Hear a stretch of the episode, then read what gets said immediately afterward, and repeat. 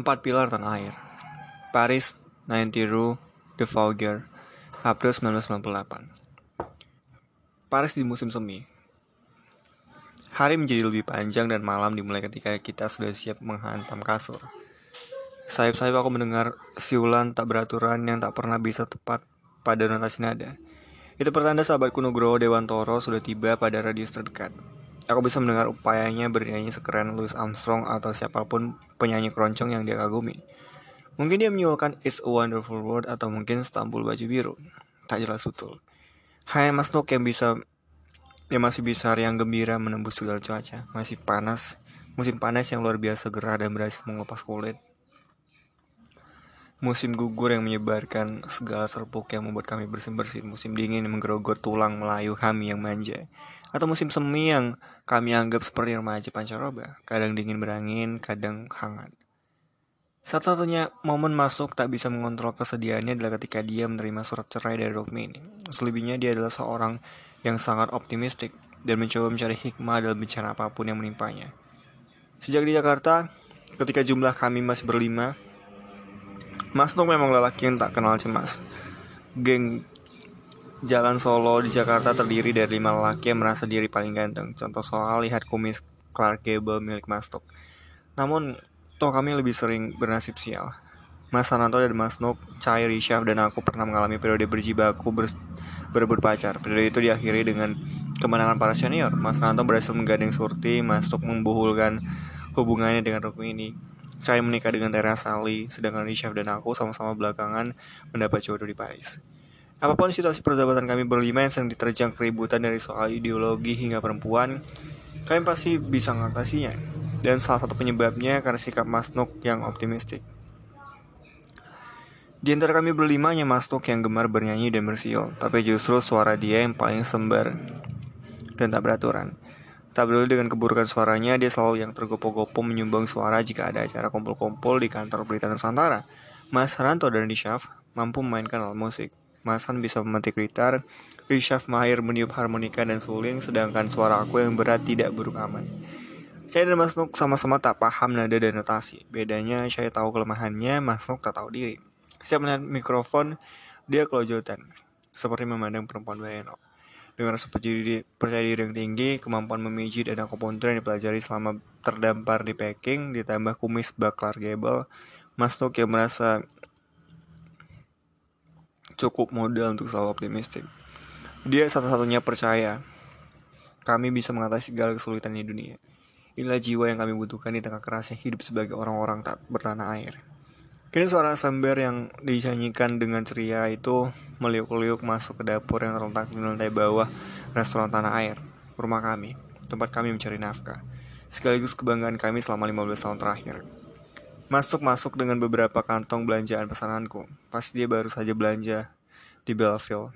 Karena kemarin aku menggerutu kekurangan bahan untuk membuat bumbu-bumbu dasar, seperti kunyit, jahe, cabai merah, bawang merah, bawang putih, salam, dan daun jeruk. Di Paris tentu saja beberapa bahan harus dibeli dalam bentuk kering. Tetapi cabai merah, bawang merah, dan bawang putih segar bisa diperoleh meski dengan harga yang cukup mahal. Seharusnya baru bisa mencoba mencari tahu, mencari itu. Tapi dia sedang berbersih lantai restoran kami yang terbuat dari kayu. Sembari bersiul-siul masuk mengeluarkan belanjaan dan meletakkannya begitu saja di atas meja tempat meracik. Aku tak tahu apakah karena siulan masuk yang tak karuan itu atau karena belanjaannya berantakan di atas meja racikan. Isi perutku seperti diputar, dibelit, dan ditarik ke sana ke sana kemari. Sebetulnya sudah beberapa pekan terakhir aku merasa tak beres dengan perutku. Tapi aku tak mengacaukannya. Kenapa kau? Aku tidak menjawab pertanyaan Mas Nuk. Cahaya dan Mas Nuk sudah lama mempersoalkan kesehatanku seperti sepasang suami istri yang sedang memahari anak remaja yang ogah belajar dan memutuskan mengurung diri di kamar. Mas Nuk yang belajar akupuntur selama kami terdampar di Peking merasa bisa mengatasi penyakit apa pun dengan tas kecil berisi jarum yang selalu dibawanya ke mana-mana. Berkali-kali dia menawarkan untuk mengobatiku dengan jarumnya. Berpanjang-panjang dia menjelaskan konsep energi dan jarum akupuntur dan menit pertama dia membuka mulut, aku langsung tertidur. Siapa yang peduli dengan soal energi, Chi dan New Age? Cuma Mas Nuk. Aku benci pada jarum, apalagi jarum masuk yang tak jelas asal-usulnya. Meski rumah sakit pun identik dengan jarum dan segala peralatan yang identik, terkadang aku masih pasrah menyerahkan diriku, seperti yang terjadi sepekan silam. Pagi itu mendadak saja aku tersungkur di stasiun metro. Aku tak merasa apa-apa. Gelap seketika untuk beberapa detik. Tiba-tiba saja aku sudah berada di sebuah kafe dekat kios koran langganan. Di sana ada Pierre, penjaga kios yang tak pernah mandi. Andre, penjaga tempat kopi yang tampan. Bermata biru yang menurutku lebih cocok menjadi model Calvin Klein daripada menyajikan kopi. Dalam bahasa Perancis yang begitu le Parisian accent dengan menggunakan hidung, sengau, dan merepet, mereka memaksa aku minum dan berulang-ulang bertanya, apakah aku baik-baik saja. Mereka sudah siap menelpon ambulans ketika aku menggeleng-gelengkan kepala dan meminta mereka menelpon Richard. Yang terjadi adalah mimpi buruk. Yang terjadi adalah mimpi buruk. Dua orang paling cerewet dan paling maha tahu itu yang datang. Cahaya dan Masnok. Saya yang dengan suara berat dan kalkulatif mempersoalkan frekuensiku menikmati alkohol dan masuk kembali pada kegemarannya kuliah energi. Aku ingin sekali menghilang dari hadapan mereka. Tentu saja tuntutan mereka agar aku memeriksakan tubuh ke rumah sakit tak bisa kutolak. Aku memang masih bentar dan terlalu lemah untuk mendeng masuk dan cair. Jadilah aku seperti seorang kakek tua yang dikapa dua orang yang berlaga lebih muda. Saat dibimbing menuju taksi, aku merasa lantai ikut bergerak bersama aku. Ketika itulah, aku tahu aku terpaksa patuh. Ada sesuatu yang tak beres dalam perutku. Dokter Urgence memerintahku, memerintahkan aku menjalani serangkaian tes dan memberi aku obat. Tapi hingga aku hasil tes itu belum kujemput. Rasa mual dan gedar-gedor dalam perutku semakin mengganggu. Masuk menghampiriku, dia memegang dahiku. Mas, istirahat saja di kantor. Nanti aku yang masak.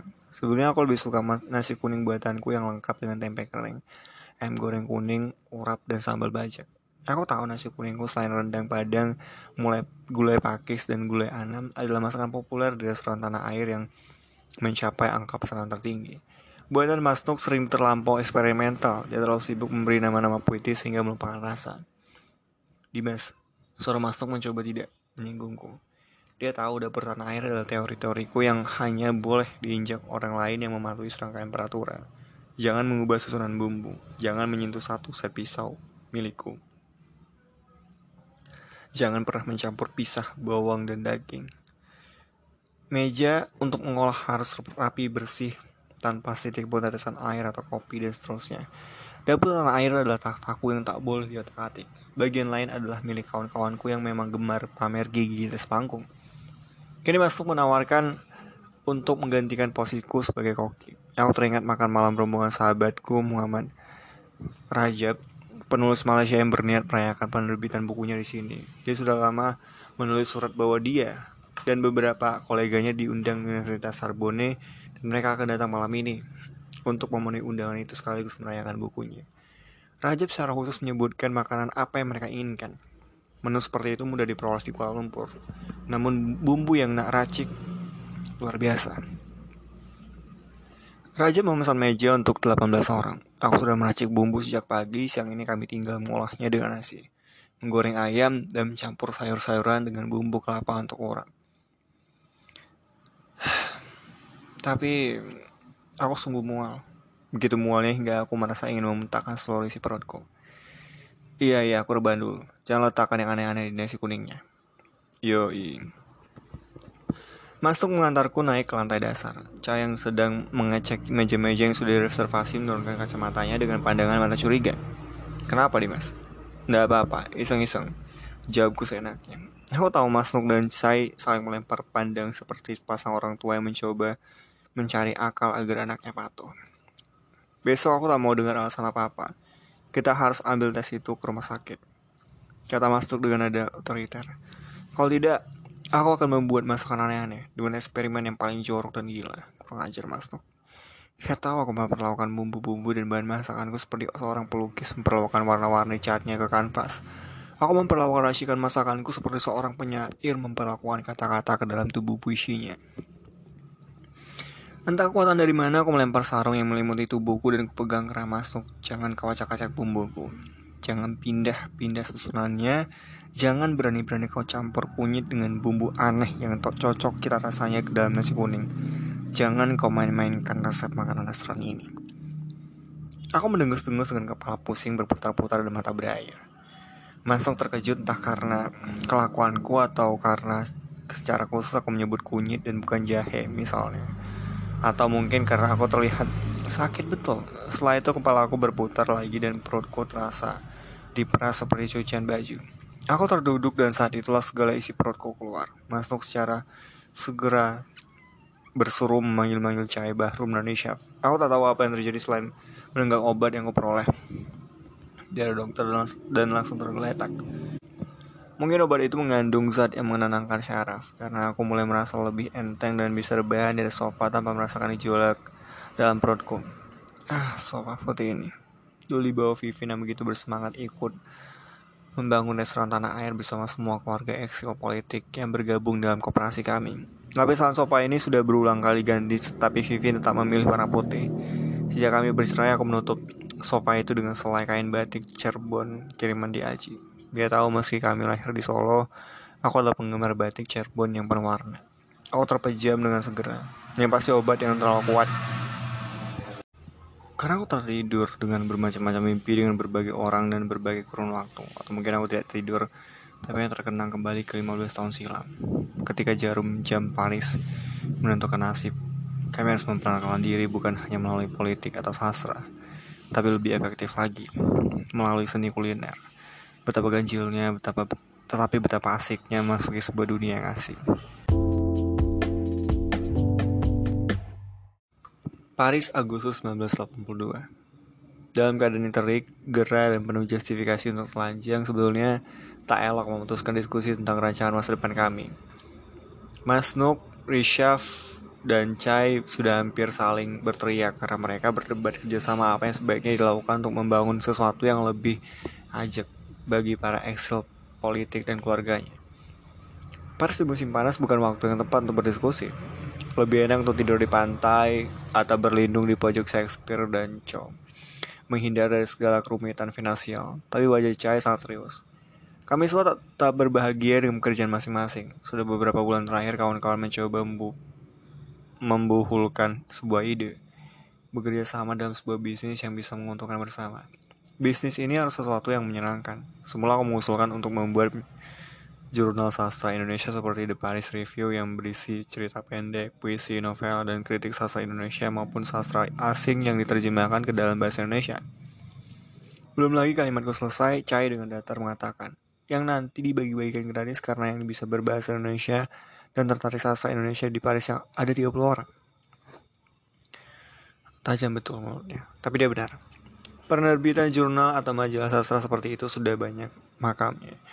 Tapi bayangkan, jika kita mempunyai jurnal serius seperti itu, alangkah bahagianya, alangkah nikmatnya. Aku ingin, sesuatu, aku ingin sesuatu kerja sama yang menyenangkan, kata aku menggerutu, dan kita semua kan penulis. Cahaya tidak menjawab. Mulutnya yang kecimun itu cemberut. Artinya dia sedang mengatakan, pakailah benda di balik jidatmu itu. Saya adalah lem yang merekatkan kami semua. Dia satu-satunya yang tak punya keanehan atau ke kekenesan. Dia datang dari keluarga Tionghoa Surabaya yang percaya pada kerja keras. Terdamparnya cahaya keluar Indonesia seperti juga banyak keluarga Tionghoa lainnya. Sebetulnya bukan karena soal ideologi belaka, karena Chai sama sekali tidak suka berpolitik, namun dia tahu keluarganya termasuk yang bakal kena ciduk terpertama kali setelah 30 September 1965 pecah. Karena Henry, abang Chai cukup aktif berhubungan dengan Peking. Bao Chai dan Teresa terbang ke Singapura untuk kemudian bertemu dengan kami di Paris juga adalah sebuah perhitungan yang pragmatis. Di antara kami semua, mungkin hanya Chai yang kehidupan pribadinya kering dari drama. Serba lurus, serba baik, serba di jalan yang benar. Tapi justru karena Chai sungguh lurus dan tak mengandung lonjakan, kami sangat percaya pada analisa dia yang tidak bias dan cenderung dingin. Termasuk penilaiannya pada serangkaian mimpi kami untuk berbisnis bersama. Aku jengkel dengan sambutannya, tapi mengakui. Saya hampir selalu benar. Masuk sempat melontarkan ide sebuah harian politik yang langsung dijawab dengan pelototan cai. Lihat itu newsletter yang dibuat Dimas. Isinya bagus, hidupnya dari sumbangan untuk bertahan. Diskusi langsung mati akibat algo Juca yang rasional. Apa yang boleh buat? Memang dialah kalkulator kami. Mastok duduk di dekat jendela terbuka dan memandang keluar sambil merokok. Sejak Lintang lahir, kami sudah pindah ke apartemen baru sehingga Tempat ini sering dijadikan tempat berkumpul. Memang tidak terlalu besar, tapi cukup asri dengan berbagai tanaman pot yang digantung Vivin di mana-mana. Tetapi itu masih tak cukup membantu men menyejukkan ruangan yang tak memiliki mesin pendingin. Jam-jam berikutnya, diskusi kami semakin kacau dan tak terarah. Masuk mengusulkan kami membeli rokok Indonesia dari Belanda dan menjualnya di sini. Saya kembali menggumam. Jadi maksudmu kita buka warung rokok? Sudah perhitungan pajak. Kalau sudah siap bersaing dengan rokok lain, sudah riset. Yang suka rokok kretek itu ada berapa di Paris? Selain Dimas dan Nuk. Kami semua terdiam. Aku tertawa geli. Risha mengusulkan. Aku tak tahu lagi apa yang dia kicaukan. Udara begitu panas dan aku ingin buka baju.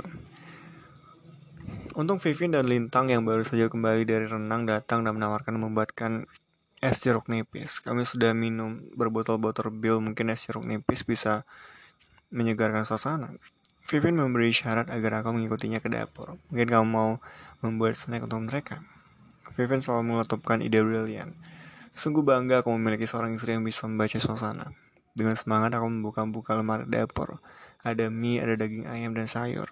Aku mengangguk. Vivin segera menyiapkan semua perangkat, kuali minyak goreng dan bumbu. Aku bikin mie goreng dulu. Kalian teruskan saja. Toh, tak ada usul yang menarik. Aku memunculkan kepala dari dapur. Tak ada yang menolak sama sekali. Aku yakin mereka juga tak melanjutkan diskusi dan hanya mencari pojok yang paling dekat dengan jendela sembari mencari sisa-sisa angin. Aku merajang bawang merah, bawang putih, sayur-sayuran, dan ayam dengan sigap dan cepat. Vivin hanya aku minta tolong menyiapkan semua bahan dengan rapi, tentu saja seperti biasa. Aku tak mengizinkan dia mengotak-atik urusan bumbu. Dia membantu menggodok air yang untuk merebus mie. Aku tahu Vivin tak suka jika aku menggunakan minyak jelantah untuk menggoreng dengan alasan kesehatan. Tapi sesekali aku menggunakannya sedikit untuk mencampur dengan bumbu. Inilah rahasia bumbuku yang sedap. Tidak sehat tapi sungguh menggiurkan. Mie goreng ayam dengan cepat tersaji di atas meja. Lintang yang pertama mencoba mengunyah-unyah mie goreng itu hingga matanya terpejam. Untres bon katanya mengucap mengacungkan jempolnya yang mungil. Lintang memang penggemar masakan Indonesia nomor satu. Jadi ada elemen bias dalam penilaian anak usia 7 tahun yang menjadi sumbuh hidupku ini. Ketiga kawanku langsung menyerbu meja makan seperti narapidana yang sudah seminggu hanya menyantap kerak nasi. Saya melahapnya bagai pakai sumpit dengan lincah. Hingga mangkuknya cepat lian licin tandas. Yusuf justru menikmatinya sedikit demi sedikit. Sedangkan Lintang justru sudah mengambil porsinya yang kedua. Meski mangkuk yang digunakan saja mangkuk anak-anak, Vivin tersenyum puas dan membiarkan kami mulai merokok. Ketika kami sudah duduk selonjor menatap perut kami yang mulai melonjak, menonjolkan diri dengan cara yang memalukan, Rishev masih menikmati suapan terakhir mie goreng itu dan tak peduli kami semua sudah selesai. Dengan bibir berminyak, dia kemudian menggerutu kenapa tak ada yang menjual mie goreng seenak ini di Paris. Mastuk memandang Rishav kembali melak, sambil membelalak, seperti baru saja mendapatkan sebuah ide. Iya, coba bayangkan, kata Rishav menepetan panti. Betapa asyiknya kalau setiap hari kita bisa makan mie goreng sedahsyat buatan Dimas. Atau selang-seling dengan nasi goreng yang dia campur dengan terasi dan minyak jelantah itu. Astaga, terbit pula air liurku. Wah, aku juga pernah mencoba nasi kuning buatan Dimas. Waktu ulang tahun lintang dengan tempe kering kreok-kreok Rishav tersedak oleh ucapannya sendiri dan berseru seperti para ilmuwan yang baru saja memecahkan rumus terkemuka. Oh, Dimas, aku tahu kita harus terjun ke bisnis apa. Aku tahu. Mas Noob dan Rishav kini sama-sama melotot seperti ingin saling menerkam bahagia. Oh, tolong tidak. Apa mereka ingin membuka perusahaan catering ada? Tapi kulihat mata Chai berbinar-binar, sinarnya langsung mencelat masuk ke mataku silau. Berbeda betul reaksinya dibanding tadi ketika kami melontarkan usul-usul yang dia anggap sinting. Dimas, saya menatapku. Aku rasa inilah takdir kita. Kau adalah koki berbakat yang tak tertandingkan. Belum pernah aku mendengar saya berbicara penuh semangat seperti itu. Kedua matanya berkilat-kilat masuk memegang kedua bahuku dan berseru setinggi langit. Dimas, kita akan membuat restoran Indonesia di Paris.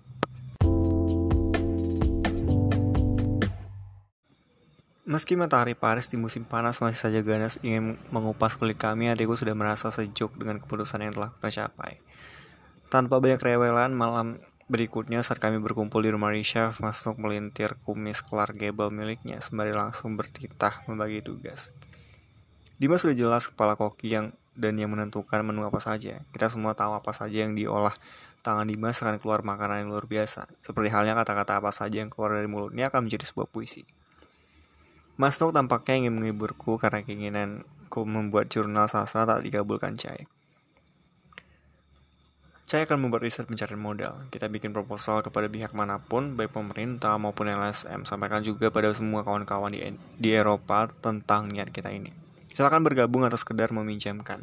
Kita akan memikirkan alternatif mana yang lebih baik. Saya juga akan membuat riset bentuk usaha apa yang ingin kita bangun, apakah PT atau ko kooperasi. Sudah jelas kooperasi, kata Cai tegas. Oke, kooperasi. Kata Mas Nuk dengan patuh hingga aku bertanya-tanya siapa sungguhnya yang lebih takuti dalam kelompok ini.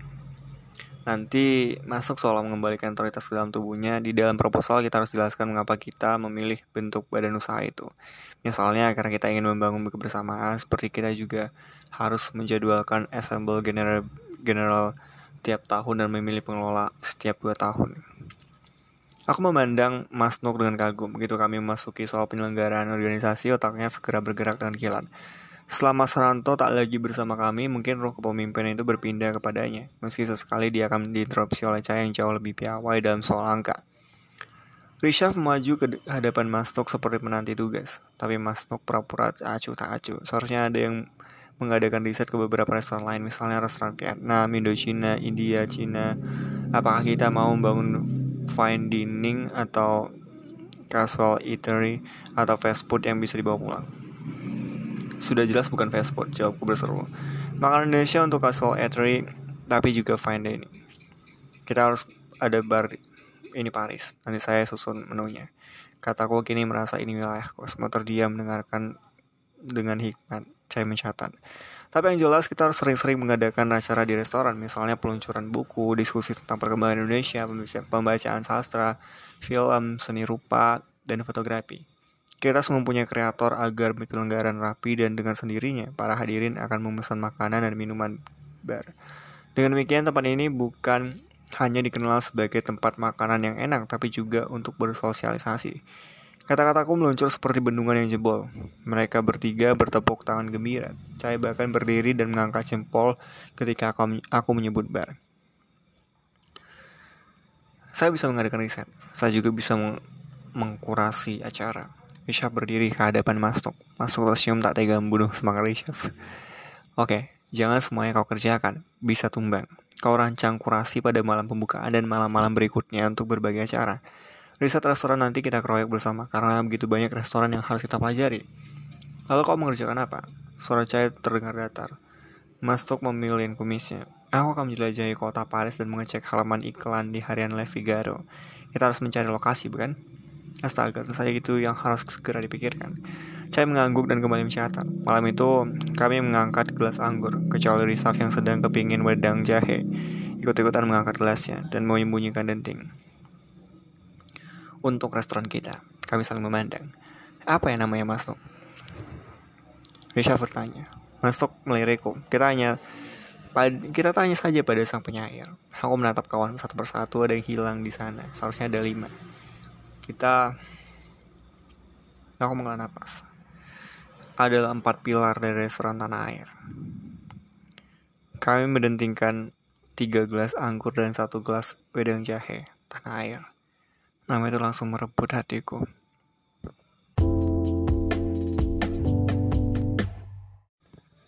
Paris 1975 Ada perjanjian yang tak terucapkan di antara Chai, Rishaf, dan aku. Sejak Mas Nok ditinggal sang bunga anggrek Rukmini yang memutuskan menikah dengan Atkal Prakosa, kami memberi keleluasan padanya untuk bertindak seperti pemimpin. Tentu kami semua percaya pada persamaan dan tak membutuhkan pimpinan, tapi Mas Nuk membutuhkan pengakuan itu. Meski hanya untuk sementara, paling tidak itu yang kami simpulkan. Semua bermula dari malam jahanam yang mengguncang tubuh Masnuk hingga diambruk oleh alkohol kepedihan gara-gara surat cerai Rokmini. Nugroho Dewantoro, laki Yogyakarta yang selalu menekankan untuk berbahasa Indonesia daripada bahasa Jawa. Sebetulnya sangat sentimental. Bahkan aku curiga meski dia sering berlagak seperti pemain perempuan, Masuk sangat menginginkan kehangatan keluarga. Berbeda dengan Mas Ranto yang punya hubungan kompleks dengan Surti, ada tetek bengek perbedaan kelas yang dianggap menjadi batas psikologis. Mas Nok tak banyak cincong. Dia tertarik pada sang anggrek meski dia tahu Rishaf si anak ingusan itu juga tengah mengejar-ngejarnya. Dia tebarkan jaring dan dia berhasil memetik si bunga anggrek. Dia kawini Rukmini yang cantik dan bermulut saja pisau itu. Karena terlihat Mas Nok Sungguh mencintai Rukmini, aku dan Nisha sudah lama memaafkan dan ikut berbahagia. Apalagi putra yang dinantikan, Bimo Nugroho baru datang setelah 9 tahun penantian. Aku tak akan pernah lupa sinar kebahagiaan di mata Mas Nuk dan Rukmini. Tetapi di balik kesibukan politik dan jadi ayah dan suami, aku tak begitu paham mengapa Mas Sananto dan Mas Nuk selalu merasa perlu menaklukkan perempuan-perempuan lain. Jika Mas Sananto selalu beralasan ingin merasakan gelora kaum proletar di ranjang, Mas Nuk pasti tak memberi justifikasi kelas. Dia memang lelaki tampan yang bangga dengan kumisnya, yang pandai mengatur kata, yang mudah membuat perempuan melekat padanya seperti laron pada cahaya lampu. Tak heran bahkan saat menjadi pengelana tanpa status warga negara di Peking maupun Zurich, Mas Nok tiba-tiba saja sudah melekat dengan seorang perempuan. Yang gila, perempuan ini Agnes Baumgartner adalah istri seorang polisi. Sang polisi adalah pelanggan aku pun termasuk. Dari, dari suami yang sering encok dan pegal-pegal, terapi pun berlanjut ke istri yang menggunakan bahasa masuk, pegal, dan butuh sentuhan. Dari sentuhan jarum sekali lagi menggunakan bahasa masnok, paha, dan pinggang itu membutuhkan sentuhan kasih sayang. Mendengar kisah penaklukannya itu, melalui telepon, darahku melesat ke ubun-ubun. Aku membentak agar Masnok segera menyusul Chai dan aku di Paris. Bukan saja agar kami bisa berkumpul dan berbuat sesuatu, dan bukan hanya karena aku memikirkan Rukmin dan Bimo, tapi juga sungguh bahaya petualang hasrat Masno kali ini. Bermain-main dengan istri polisi di negara negara orang kan bukan perkara merebut sebatang anggrek di zaman kami kuliah. Ini polisi di negara barat. Mas Tok akhirnya menyerah karena caci makiku. Dia tiba di Paris beberapa pekan setelah kami mendarat di Paris dengan wajah murung Aku tak paham bagaimana mungkin dia bisa secepat itu jatuh cinta pada seorang yang baru saja dikenalnya. Tujuh tahun kemudian, sepucuk surat dari Rukmini melayang ke tangan Nuk, surat cerai. Malam itu aku menopang Mas Nuk, berjalan menuju stasiun metro sembari mencoba menurunkan volume suaranya semakin melengking tak karuan. Di stasiun, aku ingat betul wajahnya yang penuh luka. Setengah mabuk dia berkisah terbata-bata. Kau tahu mas, Sebetulnya aku sudah menerima surat dari Rukmini sejak aku di Zurich. Suaranya bergetar, air matanya mengambang. Rukmini menolak menyusulku ke Eropa dan dia tidak menjelaskan kenapa. Aku masih diam teringat petualang masuk dengan istri polisi itu. Kau tahu mas, Agnes bukanlah sekedar pasienku. Iya masuk, kau sudah cerita soal jarum soal apa? Bukan bukan. Soal masuk mencari semakin parau dan dia menggalang-galang dengan keras. Aku memandang matanya yang merah di daerah kepedihan. Agnes Baumgartner adalah nama keluarganya. Dia tidak menggunakan nama sepolisi. Baumgartner itu berarti seseorang yang memiliki sebidang kebun. Lalu, setiap kali aku bercinta dengannya, aku melihat sebatang setangkai anggrekku. Dan air matanya mengalir sedas-sedasnya. Yang membuat situasi lebih rumit, hanya beberapa bulan setelah peristiwa itu Rishabh mengumumkan dia telah menemukan jodoh. Amira, adik bungsu Mirza Syahrul, salah satu eksil politik yang menetap di Leiden, Belanda. Manis berkacamata sudah berusia 36 tahun dan sedang menyelesaikan studi doktor dalam bidang politik di Universitas Leiden. Cinta kilat. Mereka langsung merasa cocok dan ingin menikah. Usia mereka memang sudah tak muda lagi. Chef usiaku kami sama-sama lahir tahun 1930, kami sudah sama-sama dewasa. Aku sudah terlalu lama jadi bujangan lapuk. Rishav tertawa terkekeh-kekeh. Oh bahagianya. Jadi kau nanti menemani Paris Leiden sampai Amira selesai dokter. Tanya Cahaya menghitung-hitung. Iya, jawab Rishav dengan mata bersinar. Bergantian. Kamu sudah bilang, Mas Top. Aku bertanya hati-hati. Belum, ini baru. Mau ke sana aku mau memperkenalkan Amira kepada... Jangan. Saya dan aku serentak menyentak. Risha memandang kami berdua bergantian. Orang yang sedang bahagia memang sering lupa bahwa ada orang lain yang sedang berduka. Bola mata Risha bolak-balik memandang kami dan wajahnya yang tampan itu betul-betul tak berdosa. Kenapa mas? Saya dan aku selalu berpandangan seperti saling mendorong untuk memberi penjelasan yang rinci kepada Chef. Kita harus memberi pemetaan yang terang benderang. Chef, kau ingat Mas Nuk baru mendapat surat cerai kan? Ah. Chef nepuk dahinya. Maaf, maaf. Betul juga. Jadi, jadi, jadi maksudnya nanti Mas Nok tidak bisa diundang. Kasihan. Kasihan apa? Apartemenku dan Vivin saat itu memang masih kecil dan tidak ideal untuk menjadi lalu lintas rahasia. Aku tak mengira Masuk akan muncul seketika Masuk memandang kami bertiga. Begitu saja dia menepuk-nepuk bahu Risha sambil tertawa riang. Hei, aku dengar kau sudah mau melamar adik bungsu si Mirza. Hebat, cantik dia. Selamat-selamat. Lantas Masuk memeluk Risha setulusnya. Risha dengan wajah ragu membalas pelukan Masuk. Masuk lantas selonjor di depan sofa panjang dan menyalakan televisi kami yang kecil dan agak buram dan hanya menyiarkan acara apa pun dalam bahasa Prancis. Tapi masuk memperhatikan acara itu dengan intens. Yeshaf menggaruk-garuk kepalanya, hening dan tak nyaman. Aku kembali ke apartemen Paman Amira di Lema ya. Dia dan Pak Mirza bermalam di sana. Masuk mengangkat jempolnya, tapi matanya tetap menatap televisi. Aku duduk di sampingnya, saya ke dapur mengorek-ngorek lemari mencari kopi. Aku baik-baik saja, mas. Mas Tok menggumam sambil tetap menatap televisi. Aku mengangguk-angguk tanpa suara. Aku masih menatap, menat, menatap di sampingnya. Mas Tok tetap menatap layar. Aku tahu dia menghargai bahwa aku menemani tanpa banyak tanya. Aku bisa membayangkan betapa remuk hatinya.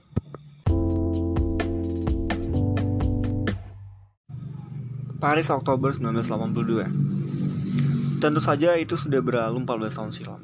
Aku tak tahu apakah Mas Nuk sudah menguburnya ke lapisan bawah hatinya atau keceria keceriaannya bersiul dengan nada sembarangan itu adalah caranya memagari kesedihan yang sering mengerang menyerang tiba-tiba.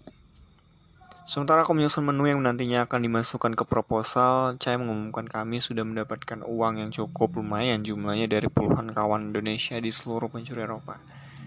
Yang mengharukan, tidak semua yang mengirim uang adalah eksil politik seperti kami. Ada beberapa pengusaha yang berkawan baik dengan Masuk, ada juga beberapa kawan Chai di Jakarta yang diam-diam menyumbang tanpa pamrih. Chai mencatat semua nama penyumbang dengan jumlahnya. Karena dia bercita-cita saat mereka datang akan diberi meja khusus dan menu istimewa. Masuk menjelajahi seluruh Paris dan selalu saja tak puas. Tak lokasinya yang terlalu jauh untuk terjang untuk terjangkau atas sistem airnya yang kurang baik atau tempatnya sedemikian ambruknya hingga perlu direnovasi total. Meski lelah, aku tahu Masuk mengerjakannya dengan gembira seperti hanya halnya Rishaf yang penuh semangat memberi laporan hasil risetnya dari restoran kuliner Asia lain di Paris.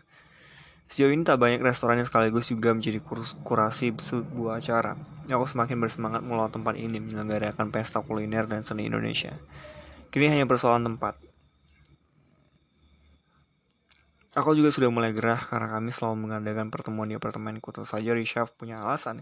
Sekaligus uji coba menu masakanku. Tapi mereka bukanlah kritikus kuliner yang layak.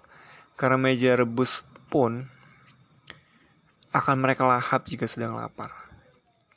Lalu harian Live Figaro menyelamatkan kami. Sebuah iklan kecil yang nyaris terlewatkan seolah membuka sejarah untuk kami. Adalah sebuah restoran Vietnam milik sebuah keluarga yang berlokasi di 90 Rue de Vaniguard Begitu kami masuk, berbincang dengan pemiliknya, suami istri Vietnam yang sudah belasan tahun menatap di Paris, sementara Chai dan Mas Nok memeriksa di lantai di atas dan bawah. Aku merasa sudah berada di rumahku. Aku tetap permisi ingin melihat dapur, sebuah dapur panjang dan keramik putih dan meja kerja di tengah untuk perajang seperti pulau. Sebuah oven besar yang tampak dipelihara dengan baik karena bersih dan tak ada sebutir pun nasi yang tercecer. Begitu melihat satu set kuali serta panci-panci yang masih sangat bagus dan terbuat dari bahan aluminium yang kuat, aku langsung jatuh cinta.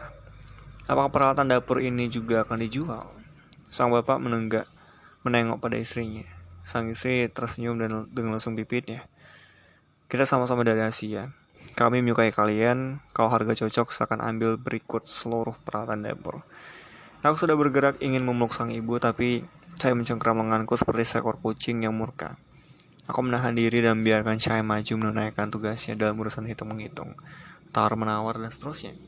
Cara dia menawar mirip ibu-ibu di pasar kelewar belaga tidak butuh belaga air berlaga ogah berlaga akan pergi saja karena toh di pojok sana ada yang lebih menarik dan lebih murah dan untuk kemudian tersenyum ketika sang penjual menyerah.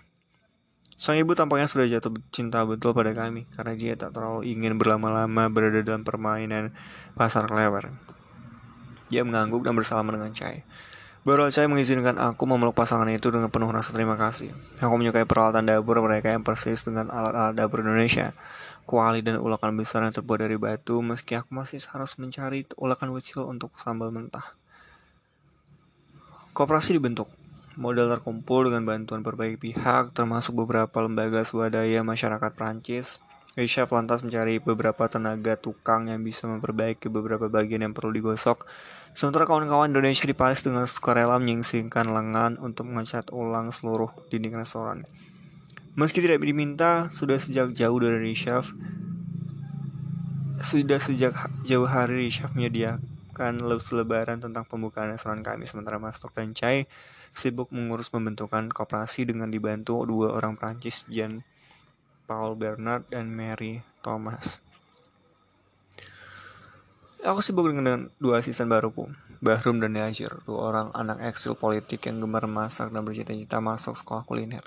Empat pilar tanah air sudah memutuskan akan meniru formula Belanda Tafel karena makanan yang berasal dari kelompok etnis mana pun di Indonesia Padang, Palembang, Lampung, Solo, Jogja, Sunda, Jawa Timur, Makassar, Bali bisa dimasukkan ke dalam paket sesuai keinginan, kecocokan dan rasa. Kami juga bisa menyusunnya seperti makanan ala 3 sampai 5 tahap seperti cara bareng. Karena wangsa Eropa harus melalui tahap makanan pembuka, utama hingga penutup segala. Kami memindahkan nama Ristafel secara harafiah menjadi Table Duris Risha dan Chai bersama-sama belajar membuat opera, operatif dan disgestif dari seorang ahli kawan Jean Paul yang sekarang mengeluarkan keahliannya tanpa biaya. Kami merancang hari pembukaan pada bulan Desember, semakin mendekati harinya, semakin berputar di dapur bersama Bahrun dan Yazir. Resep dicoba, dimainkan, dibuat variasi dan dimodifikasi untuk makan siang dan malam serta beberapa pilihan menu untuk pesta atau sekedar perayaan kecil. Dua pekan menjelang pembukaan restoran, Siang malam kami mulai mengadakan percobaan berbagai resep untuk membuat kesan yang melekat pada pengunjung. Kami masih belum memutuskan masakan apa yang ingin kami sajikan untuk malam pertama. Bahan makanan dan bumbu-bumbu sudah kami beli dengan catatan dari Chai agar kami menghemat porsi saat masa percobaan. Bumbu makanan Asia mahal karena banyak yang diimpor, kata Chai yang melekat dengan kalkulatornya. Mirip tentara yang obsesif dengan senapannya. Aku berjanji pada diriku suatu hari akan kulempar kalkulator itu ke dalam sungai Seine. Siang itu Mastuk mengintip ke dalam dapur, menjenguk, melihat, mengotak-atik resep kami, mencari sembari bersiul-siul sambar. Persis seperti intel Melayu yang tidak kenal mutu. Yang justru menampakkan diri di hadapan orang banyak untuk memperlihatkan profesinya. Apa nama yang membosankan? Menu Palembang, menu Padang, menu Solo memberi nama kok tidak semangat. Masuk meletuk melihat papan tulis dapur kami. Aku menurunkan kacamataku dan memandang Mas Nuk tanpa komentar. Kutu dari manakah ini? Begitu saja meluncur masuk dalam dapurku. Pak Nuk punya usul apa, Pak? Tanya Barum dengan mantun. Masuk tersenyum menatapku. Aku tahu Masuk juga mampu masak dengan baik. Isyaf gemar makan apa saja, tapi di dapur dia hanya berfungsi untuk merebus air atau menggoreng telur mata sapi. Saya hanya bisa membantu mengiris bawang, itu pun harus melalui upacara menggunakan masker dan kacamata.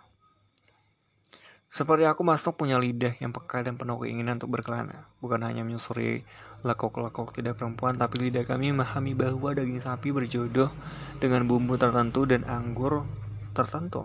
Atau ada sayur yang lebih sempurna jika tak harus menyentuh panas api sama sekali. Perbedaan antara Masnuk dan aku adalah soal pragmatisme. Jika Masnuk bisa menghayalkan akses Baumgartner sebagai rukmini, maka dia juga bisa menganggap selai kacang sebagai bahan dasar untuk pembuatan bumbu-bumbu gado-gado atau bumbu sate. Sementara aku akan bersikeras dengan cinta kuliner yang murni. Bumbu gado-gado dan bumbu sate harus terdiri dari kacang tanah yang digoreng dengan sedikit kombinasi kacang mete yang dibakar lalu diulek bersama cabai merah, cabai rawit, dan kucuran jeruk limau. Bahrum dan Yazir sudah siap mendengarkan usul Mas Nok. Bahrum dengan pena dan notes, Yazir dengan kapur dan papan tulis Mas Nok mendem-dem. Begini, kenapa tadi diberi nama ayam widuri misalnya? Kau ciptakan aja resep seperti ayam kelasan dengan modifikasi sambal bawang. Tapi kau namakan ayam widuru supaya itu menjadi ciri khas restoran tanah air. Tahu pelangi mungkin kita bisa ciptakan tahu isi ikan, ikan merah kesumba, katanya sambil tersenyum-senyum. Keluar, aku mencuri dari dapur, masuk meninggalkan kami sambil tertawa terbahak-bahak. Si ulangnya sambil mendengar terdengar sayup-sayup. Barum dan Yazir yang saling berpandangan, cari mereka yang sedang menulis segera terhenti. Usulnya tadi bagus juga, Pak. Aku melotot, aku tidak percaya paket. Aku tidak percaya format.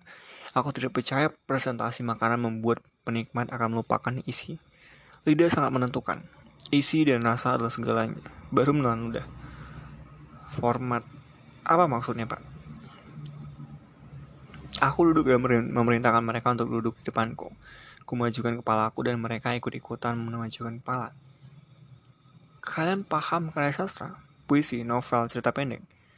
Baca pak, saya baca, tapi tidak melahirkan karya seperti bapak-bapak di sini semua. Kata Yazir melotot penuh perhatian seolah akan dibagikan peta harta karun. Untuk Pak Nuk, presentasi dan format memang penting. Karena perwajahan seluruh restoran ini kami serahkan kepada dia. Buat saya memasak sebuah hidangan sama seriusnya seperti menciptakan sebuah puisi. Setiap huruf berloncatan mencari jodoh membentuk kata, setiap kata meliuk melesat dan mungkin saling bertabrakan dan rebutan mendapatkan jodoh untuk membentuk kalimat yang berisi sekaligus mempunyai daya puitik. Setiap huruf mempunyai ruh, mempunyai nyawa dan memilih kehidupannya sendiri. Bahrum mencatat semua itu seperti tak akan ada hari esok. Ballpointnya bergerak cepat menuliskan segala yang kuucapkan seperti itu sebuah hukum yang berlaku. Yazir menatapku, setengah terpesona, setengah heran. Mungkin bertanya-tanya mengapa aku membicarakan puisi di dapur yang bau bawang ini. Nah, demikian juga memasak. Aku mengambil sebutir bawang. Ini bisa berjodoh dengan bawang putih, cabai merah, dan terasi. Tapi apakah ini? Aku mengambil sepotong ikan salmon fillet. Cocok dengan terasi? Saya ragu. Saya belum mencobanya. Yang jelas, mereka belum saling mengenal dan belum saling berdekatan atau saling bergairah. Yazir langsung masuk dalam dunia metafora itu. Kini dia memandang potongan ayam, ikan salmon, daging rendang itu seperti makhluk hidup yang tengah mencari jodohnya dengan bumbu-bumbu di sebelahnya. Yazir memegang satu persatu seperti mendapatkan intan berlian hasil rampokan. Sementara Bahrun yang curiga adalah adik tingkat adik angkat Cahaya saking terlalu perhitungan dan sukar berimajinasi memandangku seolah aku orang utan yang perlu dimasukkan ke, ke kandang. Tapi pak, Bukankah semua masakan sudah ada resep tradisional lengkap dengan ukuran-ukuran bumbunya? Dari mana kita tahu bahwa ini, si bawang ini tertarik pada si ini? Dia mengangkat sepotong kunyit segar, hatiku berdegup. Ku ambil kunyit itu dan meletakkan bumbu itu di depanku, di dekatku. Kunyit adalah bumbu yang diperlu, diperebutkan semua pihak. Kataku seperti mengucapkan sebaris ayat undang-undang. Ini adalah penyedap segala masakan dan penyembuh dan penyembuh segala penyakit. Kunyit adalah mahkota segala bumbu. Jangan sekali-sekali kau pertanyakan lagi gunanya. Gunakan rasa arum, rasa, kata Yasir, mengangkat kedua tangannya dan kini merasa sudah menjelma penyair dengan seribu puisi sekelas Hairil Anwar. Baru memutar bola matanya dan mengambil pisau. Saya praktis, saya praktis saja lah Pak Dimas. Saya mengikuti resep saja dah. Dia mengangkat tangan dan menolak gabung dengan pesta metafora di dapur. Jadi, katanya mencoba membawa kami ke realita. Kita jadi memasukkan ikan pindang serani, Pak. Baru menunjuk tumpukan kunyit di hadapanku. Aku mengangguk ikan pindang serani harus menjadi hidangan berlian di restoran ini. Paris 90 Rue, The Voyager, 12 Desember 1982. Penyair Robert Frost pernah menyatakan bahwa rumah adalah tempat tujuan kita, sebuah tempat yang akan memeluk kita. Restoran adalah tempat tujuan kita, sebuah tempat yang akan memeluk kita dan pemeluknya harus memperlihatkan kegembiraan atas kedatangan kita. Aku rasa Mas Nuk yang terus-menerus menatap dirinya di depan cermin dengan sisir kumisnya yang mungil yang dibawanya dari Jakarta hingga Peking terus ke Zurich dan kini di Paris sedang berlatih untuk memperlihatkan kegembiraan itu. Dia berlatih tersenyum di depan cermin berlatih menyatakan Java. Dan bahkan dia mengulang cara mengangguk-angguk sembari belaga mendengarkan pernyataan tamu imajinatifnya. Tadi mengejek apalagi mencela tingkah laku masuk karena masing-masing pilar mempunyai caranya sendiri untuk tetap tegak dan kuat. Sebelumnya, Masnuk dan Risha memintaku membuat tulisan tangan di atas poster amatir. Mereka kemudian memasang poster besar L'Ouverture de Restoran Tanah Air. Des Cuisines Indonesian Caprix Special pour la première semaine. Yang artinya pembukaan restoran tanah air masakan Indonesia harga spesial selama pekan pertama. Richard benar-benar memperbaiki letak kursi dan meja sembari mengecek para pramusaji mahasiswa di Paris yang bekerja pada waktu, agar jangan salah mengucapkan selamat malam. Selamat malam. Mereka kemudian menirukannya sebagai selama malam. Ya sudahlah, lumayan. Itu sudah lebih bagus daripada lidah Indonesia kami saat mengucapkan bahasa Perancis. Masuk memasang alat pengeras suara agar para flanner yang selalu berlalu-lalang bisa mendengar gamelan Jawa dan Bali secara bergantian. Beberapa rekan Prancis, Jean Paul dan Mary, yang membantu kooperasi kami sudah datang lebih dulu dan menikmati bunyi gamelan itu. Masih bersumber dari kaset. Vivin kemudian menyusul dan berbincang dengan mereka berdua sembari menenangkan keempat pilar yang pada jam-jam tegang itu sama sekali tidak mewujudkan pilar yang tangguh. Untuk menenangkan syaraf, Mas Nuk berhenti menyisir kumisnya dan mulai menikmati anggur di pojok ruangan. Chai dan Rizaf memutuskan menanti di depan pintu, sedangkan aku tetap di dapur sembari sekali menjenguk ke ruang tengah dari jendela dapur. Jarum jam sudah menunjukkan pukul 6. Aku bisa mendengar degup jantung empat pilar, tanah air yang seolah berdebur serentak. Aku tak sabar dengan keningan suasana ruang tengah meski sudah diisi dengan musik gamelan. Aku keluar dan ikut bergabung dengan Jean Paul. Mary dan Mas Nuk yang kini menganggap siulannya yang buruk itu bisa meniru notasi pentatonik gamelan, tapi aku tak punya energi untuk mengejeknya. Mataku terarah ke pintu. Janganlah menatap pintu itu terus-menerus, kasihan dia, kata Vivi menenangkan. Aku tersenyum. Baru saja aku mau mengambil rokok, bel yang digantung pada pintu berkeliningan.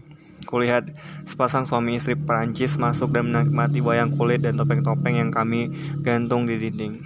Masuk dan Richard segera saja menyambut mereka dengan kegembiraan yang luar biasa campur keguguban yang tak kira-kira. Baru saja aku akan kembali ke wilayah kekuasaanku di dapur nama aku dipanggil. Madam dan Monsieur, ingin kau menjelaskan menu ini. Aku menanyakan kepada pasangan paruh bayi Prancis itu karena siap lidah punya pengalaman yang berbeda. Apakah mereka sedang ingin daging, ikan, ayam, atau serba vegetarian? Apakah mereka sudah cukup pengalaman dengan makanan yang berbumbu?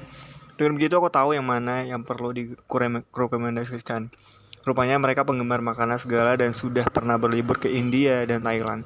Gampang kalau begitu. Aku merekomendasikan nasi padang lengkap agar latihan di depan cermin tak sia-sia. Masuk menawarkan angkur dan berbincang dalam bahasa Prancis dengan pasangan itu. Baru saja aku melangkah ke dapur, ternyata Bel pintu berbunyi lagi. Kali ini enam orang. Masuk meminta aku juga meladeni permintaan rombongan Prancis itu. Ternyata mereka sangat menyukai perhatianku untuk memenuhi selera setiap orang. Lalu masuk lagi sekeluarga Indonesia. Lalu masuk lagi rombongan Prancis, lalu lagi dan lagi. Mereka berdatangan seperti air bah yang mengalir. Richard sungguh cukup menyebarkan Sungguh cakap menyebarkan berita pembukaan restoran ini, tapi aku betul-betul harus kembali ke dapur untuk membuktikan restoran ini memang layak dijadikan rumah bagi mereka. Vivin dan Risha mencoba mengambil alih tugasku untuk menjelaskan bagi pengunjung Perancis yang serba ingin tahu masakan Indonesia yang belum pernah mereka coba. Para pramusaji dengan perlahan belajar dari Vivin dan Risha bagaimana menjelaskan makanan Indonesia yang kami sajikan. Tanganku, Bahrun, dan Yazir tahan tintinya bergerak di meja racikan. Dari jendela dapur kami melihat ekspresi mereka. Ayam bakar, sate kambing, gulai ayam, nasi padang, soto ayam menjadi hit malam ini. Beberapa memo tertulis dikirim ke dapur yang berisi puja-puji terhadap masakan kami. Memo itu kami letakkan, lekatkan pada dinding agar menjadi kenangan hari pertama sebagai penyair dalam dunia kuliner Indonesia. Penuh semua, 60 kursi penuh, Pak. Barun kembali dari tugas menganalisis situasi di ruang tengah dan bawah. Kita harus mengeluarkan kursi-kursi cadangan dari gudang. Pak Cai berkilat-kilat dahinya. Baru menyambung tersenyum lebar. Kata Pak Cai tipsnya sudah mencapai ribuan francs Poboir. Yazir berseru. Kami memang memutuskan tips dikumpulkan ke dalam satu mangkok bersama yang di penghujung malam akan dibagikan sama rata oleh Cai. Aku tersenyum mendengar semua kabar gembira malam pembukaan kami yang begitu luar biasa dan sangat di luar dugaan. Aku mulai menyiapkan makanan dan minuman penutup. Minuman penutup yang populer adalah es cendol yang kucampur dengan nangka, yang apa boleh buat hanya bisa diperoleh dari kaleng. Ternyata hampir setengah dari seluruh pengunjung meminta gelas es cendol yang kedua. Pasti ada sesuatu yang baik dan benar dari upaya kami membangun koperasi ini. Pasti ada sesuatu yang tak buruk yang pernah kami lakukan sebagai manusia. Aku tak tahu apakah ini sekedar soal kerja keras belaka karena aku tahu Paris memiliki ribuan bistro, kafe, restoran, dan bar. Aku mau menuangkan es cendol itu perlahan. Tiba-tiba saja ada sesuatu. Entah apa sesuatu itu yang mendesak dadaku. Desakan itu membuat mataku mendadak basah. Zir, Tolong kau teruskan ini. Aku meletakkan gelas saja buru-buru, mengambil gelas itu sembari memandangku heran. Aku bergegas ke pojok dapur membelakangi mereka menghadap tembok. Aku mencoba mengusap-ngusap wajahku seolah-olah penuh keringat. Aku tak ingin mereka tahu aku menangis tanpa sebab, tapi semakin aku menggosok-gosok muka aku, air mataku semakin deras. Pintu dapur terbuka sialan. Mas, ah suara Mas Nok. Pergilah sana sebentar, Mas Nok melangkah mendekat perlahan. Tiba-tiba dia memeluk bahuku dari belakang. Kali ini Mas Nuk tak lagi bersiul atau bernyanyi dengan suara em dengan suara sember. Dia ikut menangis tanpa suara. Tentu saja bukan eksil politik jika tidak ada gangguan sehari-hari. Paspor dicabut, berpindah negara, berpindah kota, berubah pekerjaan, berubah keluarga. Segala yang terjadi tanpa rencana. Semua terjadi sembari kami terengah-engah berburu identitas seperti roh yang mengejar-ngejar tubuhnya sendiri. Gangguan atau masnuk lebih suka menyebutnya sebagai tantangan yang kami hadapi sedang bertubi-tubi. Karena itu, setelah keberhasilan malam pembukaan dan malam-malam berikutnya, kami tahu bahwa perayaan ini membutuhkan antagonis. Seperti yang ini. Tiba-tiba saja Cai menerima telepon. Wajah yang datar dan dingin itu hanya mengerutkan kening. Aku yang baru saja selesai mengolah bumbu dan sedang menikmati bir di ruang depan. Ada apa, Cai? Entah, orang gila. Dia menjawab dengan nada tak peduli sembari terus menghitung dan mencatat. Kecap harus cabango ya mas? Harus. Oke. Masuk akan ke Amsterdam, titip yang banyak ya. Bisa lebih murah. Saya menoleh pada Mas Nok.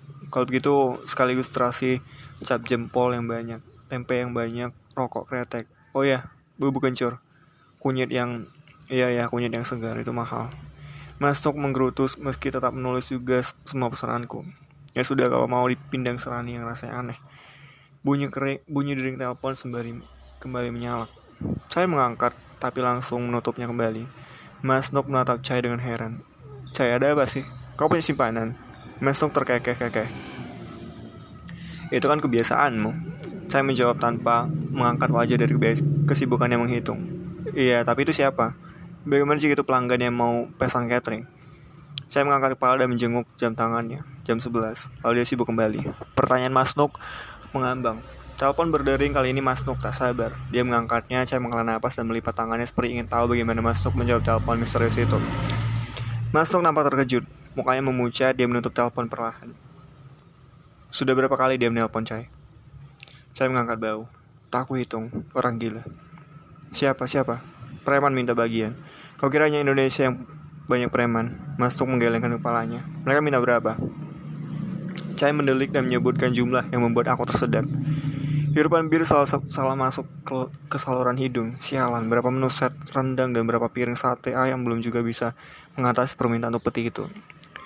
Richard segera menelpon orang-orang am Amnesty International. Taruh telepon itu pun berhenti sejenak. Meski kami yakin suatu hari mereka akan menelpon lagi. Namun ada lagi telepon model lain bernapas dengan suara berat. Kalau sudah begini, karena Cha yang paling dekat dengan pesawat telepon, dia hanya menggantung kop telepon ke bahunya lalu melanjutkan penghitungan menghitung pemasukan dan pengeluaran. Biasanya beberapa menit kemudian Cha akan mengecek apakah si penelpon yang gemar bernafas itu sudah mematikan telepon. Baru yang menutup telepon. Ketika beberapa peneliti Indonesia menghadiri sebuah konferensi di Sorbonne University, sosiolog Armanto Armantono Bayu Aji yang krisis yang kritis terhadap pemerintah Orde Baru mengusulkan mencicipi hidangan restoran tanah air, melihat betapa penuhnya pengunjung restoran kami apalagi dengan acara diskusi buku dan pameran foto yang dikurangi oleh Richard yang dikurasi.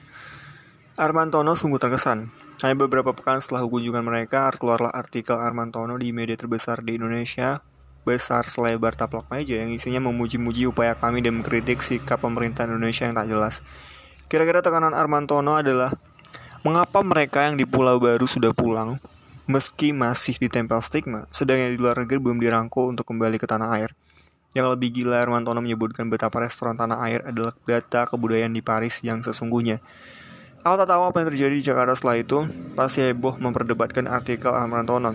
Tapi tetap saja menikmati kunjungan yang membludak setiap hari hingga suatu hari menjelang jam makan siang, sebuah teror model baru datang. Yazir berlari-lari masuk dapur seperti baru saja melihat hantu. Si telunjuk, si telunjuk datang. Aku tersiap. Tukang, tukang tunjuk atau si telunjuk adalah julukan bagi seorang yang lebih rendah daripada kotoran parit. Nama aslinya adalah Sumarno Biantoro. Dia seorang penulis andal yang semau, semula bersabar berdiskusi bermalam-malam dengan Mas Sananto dan Mas Nuk di Pasar Senen. Dia salah satu putra keluarga pemilik usaha rokok lintingan di Jawa Tengah. Sumarno Biantoro menjadi bagian dari barisan seniman yang cukup dihormati karyanya karena puisi-puisi dan naskah dramanya dianggap revolusioner. Pada saat tragedi September, Sumarno ikut tersapu. Konon dia disik, disiksa habis-habisan hingga giginya rompal digasak dan penisnya habis diinjak dengan kaki kursi. Dan konon pula, dia dilepas kembali setelah disiksa. Tidak dicoblos ketahanan mana pun, apalagi ke Pulau Baru. Ke Pulau Burung maksudnya. Telunjuknya digunakan untuk menunjuk mereka yang masuk kelompok kiri dalam semua organisasi kesenian di Indonesia. Perburuan terhadap Mas Ranto akhirnya berhasil setelah tiga tahun. Katanya berkat Sumarno Biantoro yang tahu betul tempat persembunyian bekas kawan-kawannya, Cai masuk dengan wajah pias. Baru pertama kali aku melihat dia bisa diguncang emosi. Dia ingin bertemu denganmu, Mas. Dan dia tahu betul Mas Nuk sedang di Amsterdam. Sumarno memang tikus yang tahu semua gerak-gerik siapa saja yang dianggap musuh. Tubuhku terpaku dan tanganku masih memegang pisau besar untuk membelah ayam besar dan tajam. Jari-jariku gemetar, aku berjalan dengan pisau di tanganku. Sumarno nampak duduk menghadap pintu luar. Dia sengaja tidak memilih meja di lantai bawah Aku berhenti melangkah. Dia merokok dan tidak memesan apa-apa. Tapi dia tahu aku sudah berada di belakangnya. Di belakangku ada Cai, Rishaf, Bahrun, dan Yazir. Sumarno menoleh. Aku tak tahu apakah rambutnya yang klimis menggunakan pomade atau giginya dengan satu gigi emas itu yang menyilaukan Rupanya gigi yang rompal itu kini dia ganti dengan gigi emas. Dimas Suryo. Dia bangun dan menyalamiku. Erat dan pasti. Yakin dan penuh kekuasa dan rahasia. Dia tertawa-tawa, entah apa yang lucu. Itu tak penting. Tangannya mempersilahkan aku duduk di depannya soal dia pemilik restoran yang ingin sekedar berbincang dengan kokinya. Aku tetap berdiri dengan pisau di tangan kiriku. Sibuk masak, mas. Hai duduk-duduk. Rereungan sama aku tuh. Aku melempas baju kokiku dan akhirnya duduk berhadapan dengan tikus bergigi emas ini. Pisau besar pengiris ayam kuletakkan di depanku. Seandainya dia berani menyentuhku, aku akan menusuk tangannya hingga melekat ke meja makan. Cem pasti akan menggerutu karena meja makan itu akan berlubang, tapi apa peduliku? Aku melihat Krishav dan Cayang yang berdiri dengan sigap seandainya ada apa-apa, kedua asistenku mendadak lupa tugasnya mengolah bahan. Aku menyaksikan dengan gemetar. Ada apa, no? Kenapa kau di sini? Lo, lo, lo, wong ber Wong bertamu masa ndak boleh. Ke mana atau sopan santunmu Eropamu? Sumarno menengok ke arah pintu dapur dan melambaikan melambai-lambai. Chef, cai, boy gabung, gabung. Ayo aku baru saja bertemu istrimu, chef, di supermarket opo itu tadi pagi.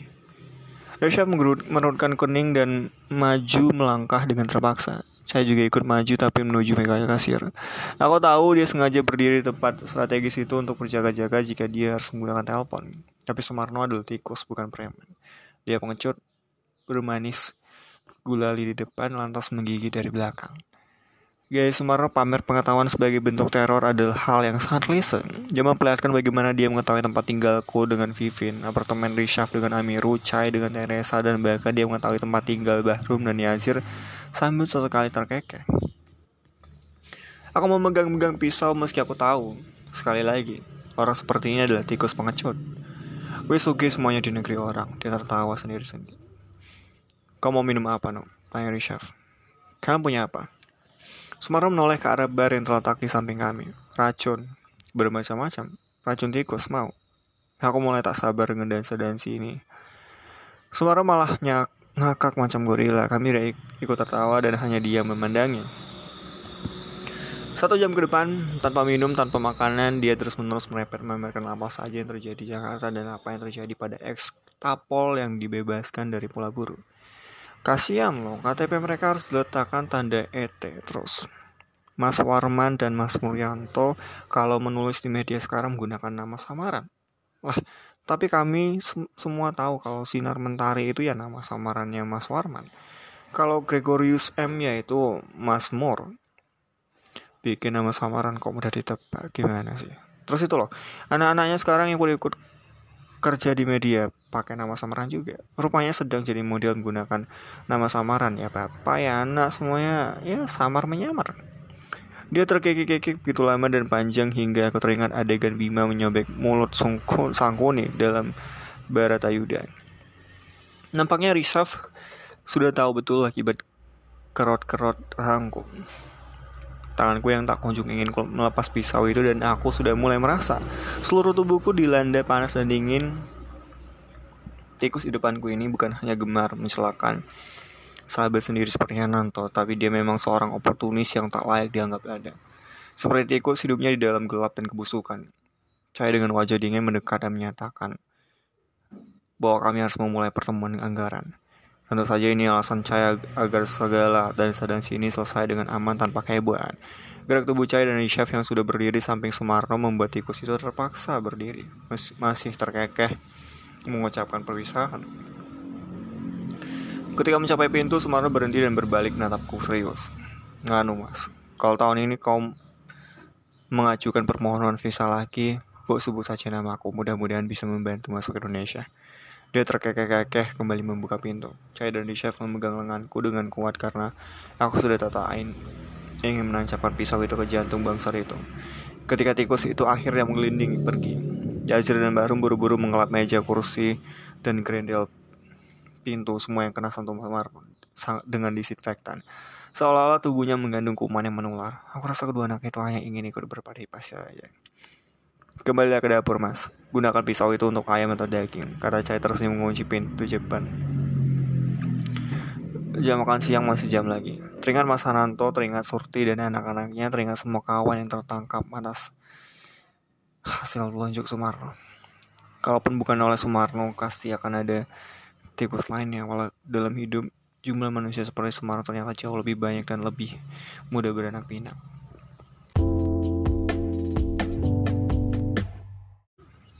Paris, April 1998. Tiba-tiba saja aku merasa sinar matahari menyerang mataku. Gila, apa-apaan?